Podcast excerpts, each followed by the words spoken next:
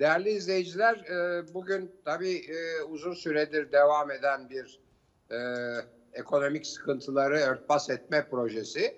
Yanlış üstelik iktidarın söyleminin, iktidarın yanlış olarak dayattığı söylemin maalesef bütün kanallar, bütün sunucular, bütün haberciler tarafından gene yanlış olarak benimsenmesiyle Can Ataklı hariç tabii sabah o buna o da buna değindi çünkü Ayasofya'nın efendim ibadete açılması diye yanlış bir söylemle söylenen bir olayla karşı karşıyayız. Ayasofya ibadete falan açılmıyor. Ayasofya ibadete açık çünkü. Yani açık olan, ibadete açık olan yani ezanın okunduğu, namazın kılındığı bir e, bir yerde ibadete açmak diye bir şey söz konusu değil. O bir e, iktidarın e, geniş kitleleri e, işte biraz da e, duygularını okşayarak e, biliyorsunuz onun adı demagojidir. E, biraz demagoji yaparak kullandığı bir e, ifade doğru değil. Ayasofya zaten ibadete açık. Ayasofya kilisesinden müzeye dönüştürülmüş olan Ayasofya Müzesi'nin tekrar camiye dönüştürülmesi projesi. tekrar Müze bölümü de cami yapıldı. Evet, tekrar tekrar o gündeme geldi. Yani şimdi artık Ayasofya Müzesi değil, onun adı Ayasofya Camii olacak veya camisi olacak. Ben o S harflerini sevmiyorum camilerde, camiyi diyorum. Ayasofya Camii diye anılacak. Yeniden böylece İstanbul'u herhalde bir daha fethetmiş filan sayıyorlar kendilerini. Ee, çok bence yanlış bir şey. Bir de tabii bu arada yani insan hayretler ediyor. Atatürk gibi bu bu bu devletin kurucusunun e, kararname imzasıyla verilmiş bir kararı bir kararla gene bir ne olduğu belli olmayan bir Danıştay kararıyla ortadan kaldırıyorlar ve sanıyorlar ki herhalde kendilerinin iktidarı ilelebet sürecek. Yani Atatürk'ün Atatürk'ün imzaladığı bir kararnameyi yürürlükten kaldıran bir iktidar kendisinin ilelebet kalıcı olduğunu filan mı zannediyor yani? Ya hayretler içerisindeyim.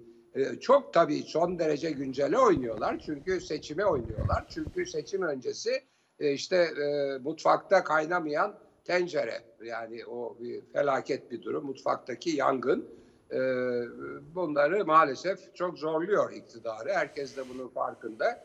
Onun için barolarla uğraşıyorlar efendim Ayasofya gündeme getiriliyor yanlış yorumlarla filan.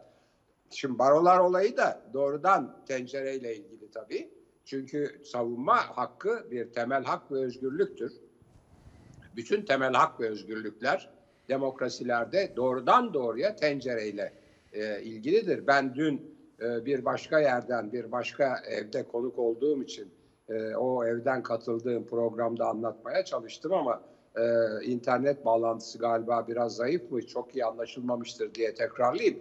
E, temel hak ve özgürlükler doğrudan doğruya siyasetin en önemli iki amacını denetler. Bir tanesi milli gelir artışı, öbürü milli gelirin adil paylaşımı. Değerli izleyiciler, siyasetin başka bir başka bir işlevi, başka bir anlamı yoktur. Siyaset bir sürü onun e, böyle e, işte romantik tanımları falan vardır. E, onu küçümseyen tanımlar da vardır. Romantik tanımlar işte bir ülkeye en üst düzeyde hizmet etme sanatıdır der. Orta Doğu'daki siyaseti eleştiren batılı düşünürler ve bizim tabii siyaseti eleştirenler de dahil Türkiye'de veya Orta Doğu'da en çabuk zengin olma yoludur derler siyaset için. Efendim işte kimisi halka hizmet etmektir der, kimisi halkı soymaktır der filan. Şimdi onların hepsi bir yana, onların hepsi bir yana siyaset esas olarak siyasetin görevi, politikacının görevi bir, milli geliri arttırmak, iki, onu adil olarak bölüştürmektir. Temel hak ve özgürlükler işte bu hem adil bölüştürmede hem de artışta önemli rolü var.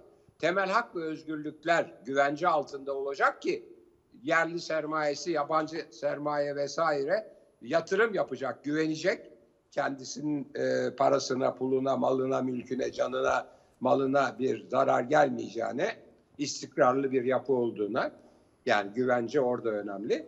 Adil e, dağılım da artan milli gelirin veya en azından azaltılmayan milli gelirin adil dağılımı içinde temel hak ve özgürlükler, grev hakkı, gösteri hakkı, efendim işte ifade özgürlüğü, medyanın e, iktidarı e, denetlemesi, e, medya özgürlüğü ki ifade özgürlüğünün bir parçasıdır filan. Yani e, dün de söyledim bir Müjdat Gezen'e açılan her dava e, sabah kahvaltısında e, masadan eksilen bir siyah zeytindir. Veya işte e, Yılmaz Özdil'e açılan dava gene bilmem tabağımızdan eksilen bir beyaz peynir parçasıdır. Bunlar hep bunlarla bağlı şeyler. Baroların bölünmesi, çoklu baro haline getirilmesi adalete müthiş bir darbedir. Çünkü artık e, yargıçları ve savcıları doğrudan denetim altına alan o tek kişi yönetimi şimdi o yargıda savunmayı da doğrudan doğruya siyasetin emrine veriyor. Çünkü savcı ve yargıç karşısına gelen sanığın veya davanın avukatının kendilerinden yana, kendi ideolojilerinden yana olan insanlarla mı savunulduğunu yoksa kendilerini sevmediği efendim işte e, malum e, fazla uzatmayalım kendilerinin karşıt gördüğü bir takım anlayışların e, savunucuları tarafından mı avukatlığının yüklenildiğini görecek. Ona göre davaları sonuçlandıracak. O açıdan baroların direnişi değerli izleyiciler, sevgili evlatlarım, baroların direnişi sizin tabağınızdaki zeytin tanesiyle, peynir parçalarıyla, yediğiniz ekmekle ilgili bir direniştir. O direniş kırıldığı zaman, o direniş yok edildiği zaman, adalet yok edildiği zaman, güvence yok edildiği zaman hiç kimsenin o milli gelirden alacağı bir pay kalmaz. İyi politikacı milli geliri arttıran ve adil dağıtan politikacıdır. En kötü politikacı milli geliri arttıramayan, tam tersini azaltan, üstelik de dağıtımında sürekli kendi yandaşlarını, etrafını, ailesini vesairesini kollayıp geniş kitleleri açlığa mahkum eden politikacıdır. Bunun örnekleri her ülkede, her tarihte vardır. Tekrar ediyorum. İyi politikacı milli geliri arttırır ve ona adil dağıtır. Herkese üretime katkıda olduğu ölçüde pay verir. Kötü politikacı milli geliri arttıramaz, hatta azaltır. Üstelik de olan milli gelirin dağıtımında geniş halk kitlelerini, herkesin katkısını, kimin üretime katkıda bulunduğunu filan düşünmez. Kendi yakı, yakinlerine, akrabalarına, eşine, dostuna, efendim müteahhitlerine vesairesine o milli geliri dağıtır. O açıdan bu bu e, baroların ve avukatların direnişi doğrudan doğruya o sizin e, şu anda herkesin bizim de mutfağımızda kaynamakta zorluk çeken tencereyle ilgilidir. Bu bir. iki işte e, bu Ayasofya meselesi bu sıkıntıları örtbas etmek için gündeme getirilmiştir. Hiç şeyi yokken, anlamı yokken kendisi yönetici, en baş yönetici daha bir yıl evvel ya orada cemaat yok ki daha Sultanahmet Camii doldurulamıyor. Nereden çıktı bunu derken şimdi bunu büyük bir e, böyle fetih gibi tekrar İstanbul'u fethediyorlarmış gibi gündeme getiriyor ama kendisi de karar veremiyor. Yargının üstüne atıyor. Allah o yargıçların tarih önünde ve vicdanları önünde inşallah aklanmalarını e, na yardımcı olur diyorum. Yani başka başka söyleyecek bir şeyim yok. Çok önemli bir noktada bugünün en önemli olaylarından biri kollanan o milli gelir dağılımında işte adil olmayan milli gelir dağılımında kollanan kişilerin sahip oldukları fabrikada 4-5 yıl içinde meydana gelen 3. 4. patlamada ölen insanlara 3 tane de jandarma evladımız şehit verilerek devam ediliyor. İşte milli gelir, temel hak ve özgürlükler, milli gelirin dağılımı bu açıdan önemli. Yani eğer herkesin ifade özgürlüğü, gösteri hakkı, baroların e, bütün bunları savunan savunma e, güçleri olsa bu e, haksızlıklar, bu adaletsizlikler belki bu kadar devam edemeyecek. Çünkü aynı kayrılan kişiler, aynı fabrika, aynı fabrikada alınmayan önlemler, aynı tehlikeler, aynı patlamalar ve aynı ölen insanlar. Yani bırakınız hani ben söylüyorum o çok hafif kalıyor. Tabağınızdaki kara zeytin tanesini veya beyaz peynir parçasını insanların hayatlarıyla ilgili baroların direnişi, temel hak ve özgürlüklerimiz. Çünkü sonunda dönüyor. Soma'da verilen 300 küsür e, evladımızın canıyla, şehitliğiyle e, sonuçlanıyor. Şimdi de 3 tane jandarma e, e, ölen, vefat eden e, insanlarımıza ek olarak 3 jandarma evladımızın şehadetiyle e, simgeleniyor. Evet, bugünkü gündem böyle görünüyor sevgili Yanardağ. E, siz Ankara'dan geldiniz, çok önemli bir e, konuşma yaptınız, çok önemli bir program yaptınız ama ben doğrusu o programdan beklediğimi e, sizlerin güzel Evren Özel Kuş'un ve sizin güzel sorularınıza karşılık karşınızdaki muhatabın tatmin edici cevaplar vermediği kanısıyla bir tatminsizlik duygusuyla izledim. Belki siz bize daha onun perde gerisini ve kendi izlenimlerinizi anlatıp biraz durumu e, daha iyi anlamamızı, kavramamızı sağlayabilirsiniz. Evet. Peki hocam son sorunuzdan başlayayım ben. Ee, veyahut bir Ayasofya meselesi çok yakıcı. Sorunuza geleceğim. Şimdi e, Ayasofya e, Müzesi'nin e, tekrar, e, daha doğrusu Ayasofya'nın müze bölümünün de tekrar camiye dönüştürülmesi, e, ben e, son dönemde e, AKP iktidarı tarafından yapılan en önemli ama yine korkak bir biçimde atılmış Cumhuriyete karşı yani sinsi tuzak kuran bir anlayışla atılmış bir adım olarak görüyorum. Şimdi bütün güç şeyi Danıştay'a yıktılar. Bütün yükü, bütün suçu, bütün sorumluluğu. Bu işin bütün vebalini Danıştay'ın üzerine yıkmış durumdalar. Bana dün akşam Ankara'da haber geldi oy birliğiyle bu kararın çıktığına dair. Teyit edemediğim için akşam arkadaşlara söylemedim. Yani biz son dakika haberi olarak verebilirdik. Ama sabah erkenden verdik. Şimdi bu bir siyasi karardır. Ee, biz Cuma günü 5. boyut programında bu konuyu işleyeceğiz Tele1 olarak. Benim hazırlayıp sunduğum 5. boyut programında enine boyuna el alacağız. Ama şu kadarını söylemek isterim ki bütün değerli seyircilerimize. Burada söz konusu olan Mustafa Kemal Atatürk'ün imzasıdır. O imza yok sayıldı. Danıştay'ın böyle bir gücü, böyle bir yetkisi, böyle bir hakkı var mı? İşte bunu tartışmak gerekiyor. Bu ülkenin meşruiyet kaynağı, kurucu lideri, kurucu lideri, Mustafa Kemal Atatürk'ün imzasını yok sayma gücüne, yetkisine, hakkına sahip mi değil mi? Tarih önünde sorumlu olacaklar. Bu son derece açık. Ve ortada büyük bir yalan var. Siz biraz önce söylediniz hocam çok net. Ayasofya'da namaz da kılınıyor, ezan da okunuyor. Defalarca burada söyledik. Topkapı Sarayı'na giden yolun hemen solunda Ayasofya'nın ibadete açık bölümü denir camiye. Hüda Kaya, HDP milletvekilinin söylediği gibi ibadete açılacaksa o zaman bu mabedi ilk yapanlara verilmelidir. Niye kilise yapılmıyor? Pekala bu da yapılabilir. Neden yapılmıyor? Ganimet olarak alınmış, camiye çevrilmiş falan ve siz 21. yüzyılda hala bu davanın arkasından koşuyorsunuz. İran'ın toprakları hocam 1 milyon 600 bin kilometre kare. İran'ın nüfusu Türkiye'den fazla. Türkiye'deki cami sayısı İran'ın iki katı. İki katı. Bakın İran'ın toprağı yüz ölçümü Türkiye'nin iki katından fazla. 1 milyon 600 bin kilometre kare. İran. 1 milyon 600 bin metrekare. Evet. Abdülhamit döneminde kaybedilen topraklar Toprak kadar. evet. Aynen, aynen. İran köklü bir uygarlık. 2500 yıldır sınırları değişmemiş. Zaman zaman Türk devletlerine ana vatan olmuş. Karahanlılar gibi, Gazneliler gibi ve daha önemlisi Selçuklular gibi ve Safaviler gibi. Bunlar bildiğiniz Oğuz devletleridir ve İran'ın nüfusunun yarısı Türktür. Yüzde 42'dir Türk nüfus. Kimine Türkmen denir, kimine Azeri denir, kimine Terekeme denir. Ama bunlar Türktür. Ve bu ülkedeki cami sayısı Türkiye'deki cami sayısının yarısı kadardır. Bakın toprak yüz ölçümü İran'ın Türkiye'nin iki katı ama bizim camilerimiz onların iki katı. Peki İran ne? İslam Cumhuriyeti. Yani bir din devletinden daha fazla cami yaparak daha fazla Müslüman olduğunu söyleyen bir iktidarla karşı karşıyayız.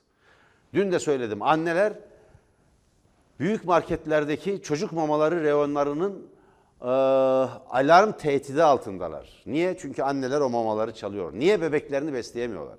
O çocuklar aç kalmaya devam edecek. İstediğiniz kadar Ayasofya'yı cami yapın.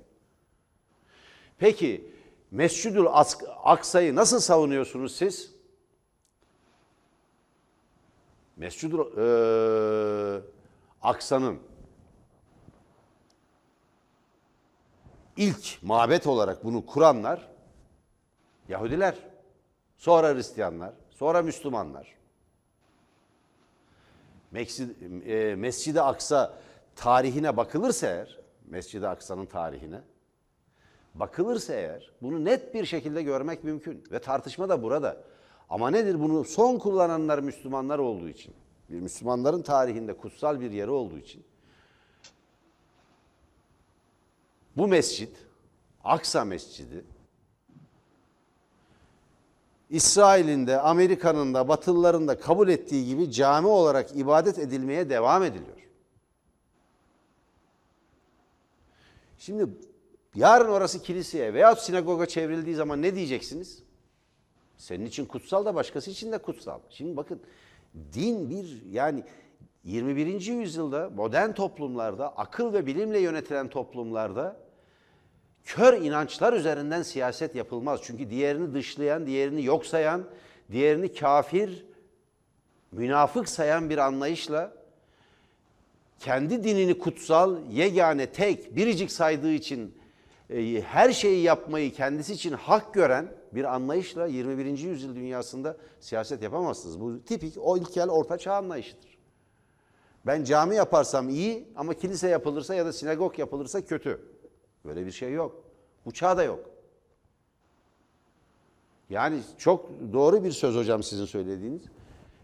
Yani İstanbul Ayasofya'yı e, Ayasofya Müzesi'ni cami yaparak İstanbul'u ikinci kez mi fethettiklerini zannediyorlar?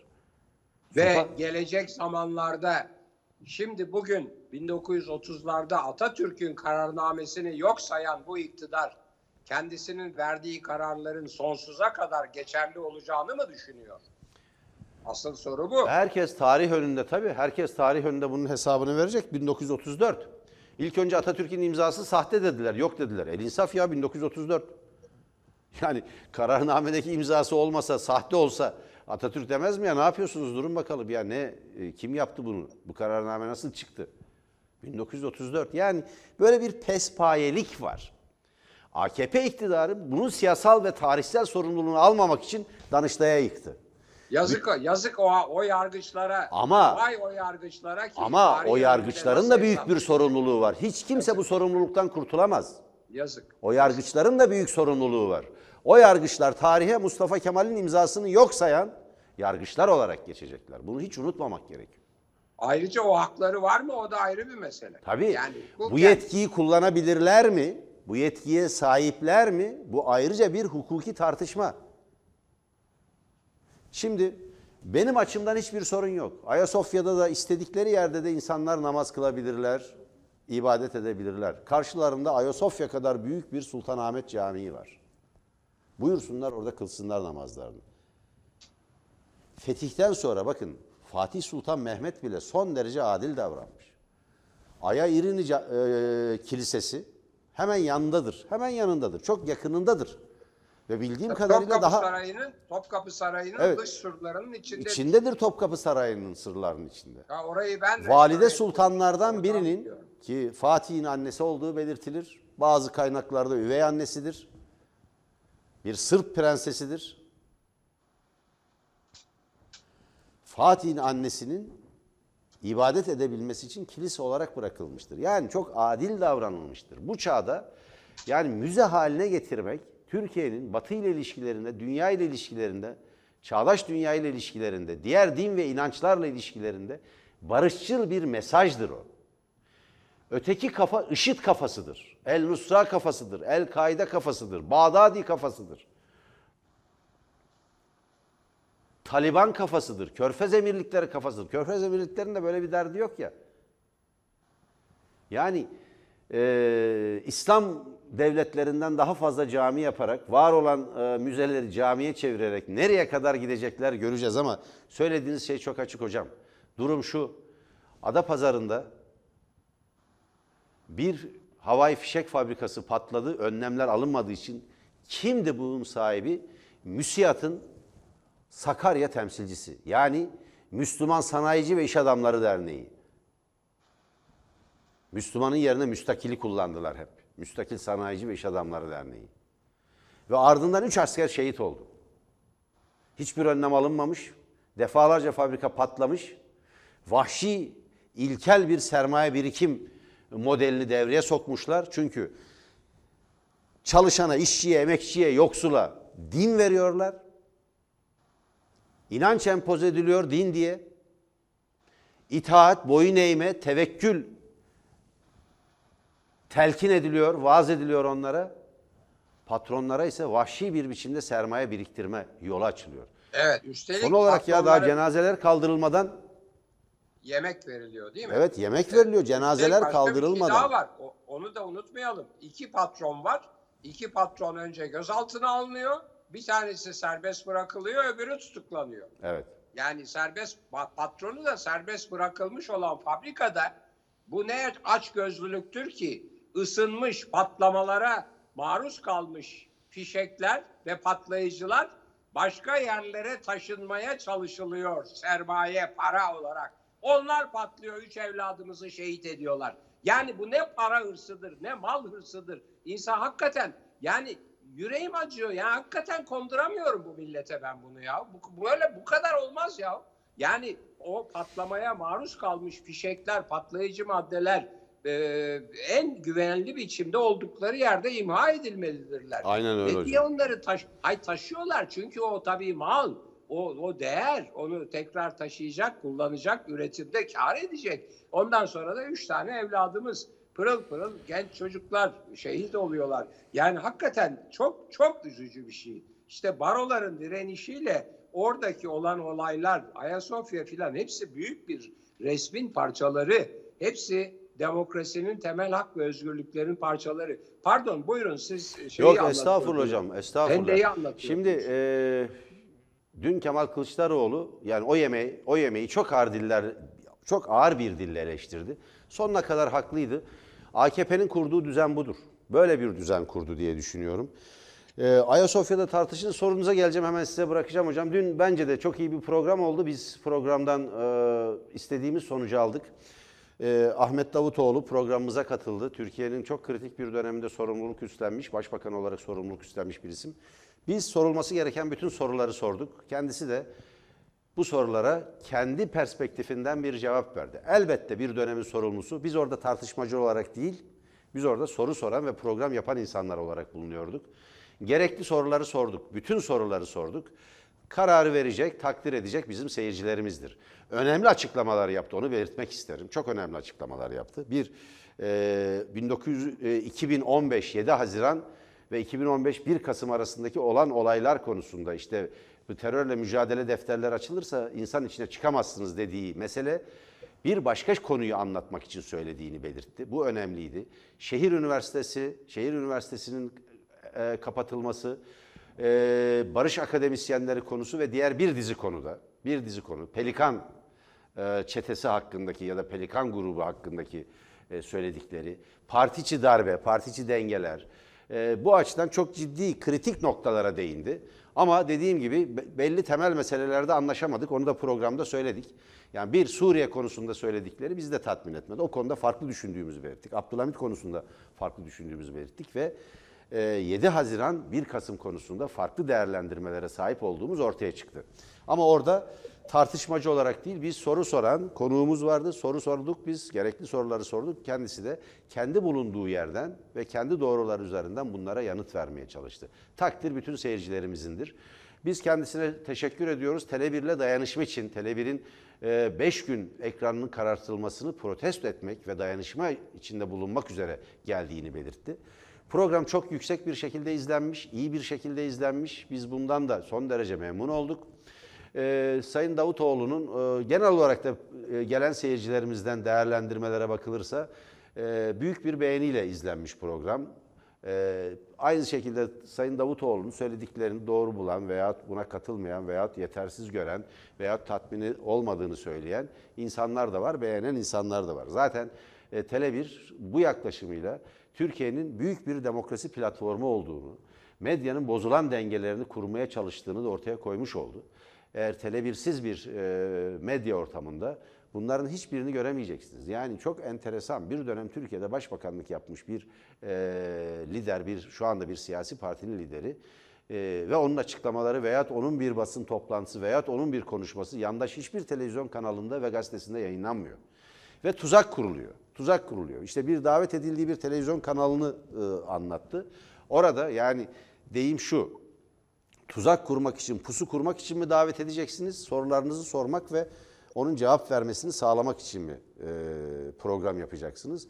Bir gazeteci nezaketiyle biz konuğumuzu ağırladık. Bir e, televizyon programcısı nezaketiyle ağırladık ve öyle de uğurladık. Kendisi de son derece bundan memnun oldu. Evet hocam sizin dediğiniz gibi e, sorularının, e, biz de sorularımızın e, bazı sorularımıza bizce tatmin edici yanıtlar alamadık ama bu nihayetinde Ahmet Davutoğlu'nun e, verdiği cevaplardı ve onu bağlayan cevaplardı. Ve bunu da takdir edecek olan bizim seyircilerimizdi. Bunu söyleyebilirim. Bir defa bir defa evet, evet buyurun. Pardon. Evet ama şu önemli, şu önemli. E, demokratik bir terbiye ve nezaket içinde e, bir e, diyalog ve bir yaklaşım içindeydi. Bu bunu çok önemsiyorum.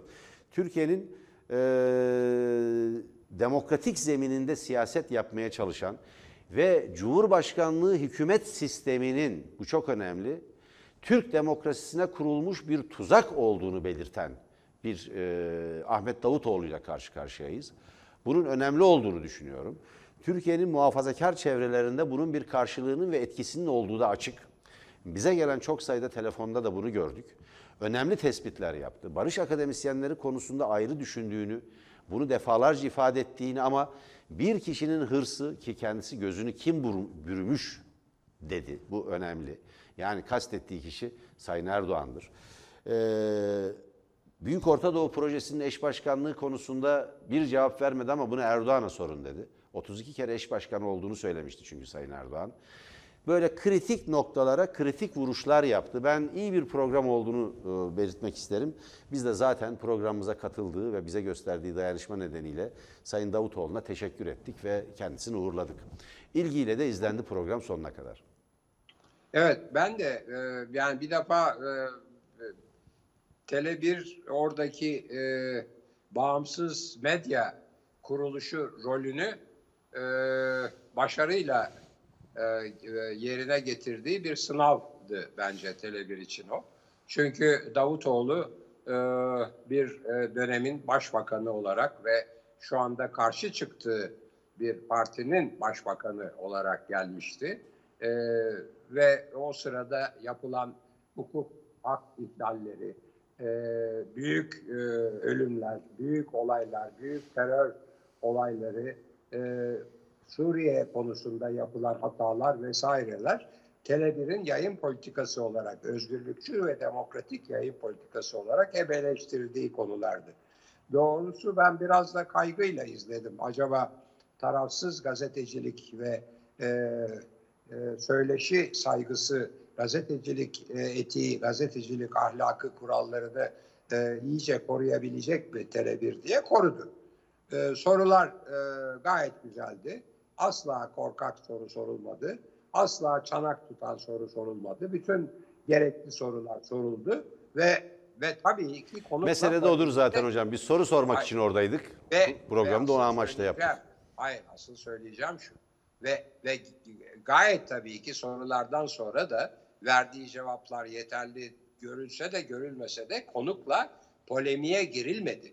Oradaki Tele1'in rolü konuğu çağırıp polemik yapmak değil, konuğu çağırıp onun kendisi e, ifade Aynen etmesine öyle. Aynen yardımcı öyle. olacak sorular sormaktı. O sınavı başarıyla verdi. Evet. Oradan Nasıl gazetecilik gayet- yapılması gerektiğinin de bir örneğini koyduk biz. Evet. Şimdi ben tabii Davutoğlu denince e, benim aklımda üç tane şey var. Bir tanesi yanlış Suriye politikası ve yanlış Suriye politikasında Davutoğlu'nun e, kullanılması veya alet edilmesi filan veya aldatılması her neyse yani ne de diyorsa kendisi işte. E, birisi ve, ve hala ısrar ediyor tabii o ama neyse. Yani birisi yanlış Suriye politikası. İkincisi işte Haziran'da Kasım seçimleri arasındaki e, terör olayları onun başbakanlığı sırasında oldu ve şey dedi yani patlatmadan işte bilmem bombacı canlı bombayı yakalayamıyoruz filan gibi herkesi e, çok derinden yaralayan şeyler söyledi başbakan başbakan olarak yani fil. Bir de üçüncüsü bir e, siyasi ahlak e, tasarısı getirmişti. E, yani e, partilerin il ilçe örgütlerinde görev alanların e, ticari ve işte ekonomik ilişkilerini düzenleyen bir ahlak yasası derhal azar işitti ve o ahlak yasasını geri çekmek zorunda kaldı. Ben hep bu üç, üç konuda kendisini hatırlıyorum. E, ama e, bir dönemin e, bir partinin başbakanı olarak şimdi o partinin geldiği noktayı ve rejimi getirdiği yeri e, hem e, demokrasiye hem toplumsal e, niteliklerine Türkiye'nin uygun bulmamasını da doğru bir teşhis olarak gecikmiş, gecikmiş, çok gecikmiş. Çünkü o, yol, o, o, yola giden e, taşları o döşedi başbakan olarak tabii. O da döşeyenlerden biri tek başına değil ama. Belki hatta hafif muhalif olarak ama e, ne olursa olsun özellikle Suriye politikasında bu 4,5 milyon Suriyelinin veya Arap'ın veya göçmenin veya işte e, göçmen gibi mülteci gibi ilticacı denilen ama ne olduğu belli olmayan insanın hatta 5 5,5 milyona gittiği söyleniyor. Sorunların en başında gelir. E, IŞİD olayı da o öfkeli gençler filan hikayesi. Neyse. Şimdi ama gene de bu rejim değişikliğine karşı çıkması ve tek kişi e, modelinin Türkiye'ye demokrasiye uygun olmadığını söylemesi gecikmiş de olsa biraz e, doğru yolu bulmasıdır. Fakat Türkiye ne çekiyorsa bu aldatılmışlardan, yanılmışlardan ve gecikmiş olanlardan çekiyor. 15 Temmuz kalkışması da öyle oldu. Efendim işte e, Ergenekon, balyoz soruşturmaları, ordunun dağıtılması da öyle oldu. Ve bu vesileyle medyaya, üniversitelere o, e, el kondu, ordu dağıtıldı filan. O en son bir nokta. Bir yandan üç e, evladımıza, üç jandarma evladımıza Allah'tan rahmet dilerken e, ben insan haklarıyla hayvan haklarını bir tutan sömürüyü hem insan sömürüsü hem hayvan sömürüsü olarak sömürüye karşı olan bir insanım. Bir ilimizde adını söylemeyeyim saygın bir ilimizdir. O önemli değil onun için. Yani il önemli değil. Ama bir bir bir e, bir yönetim kararıyla e, nesli tükenmekte olan sayısı da belli olan 14 deniyor. Dağ keçilerinin avlanması için ihale açılmış. Bu bir cinayet ihalesi. Yani yani nasıl o patlama yapılmış olan depodaki malları bir an evvel başka yere taşıyıp tekrar işte aman zarar olmasın diye kullanmaya kalkıyorlarsa bu ondan daha büyük cinayet.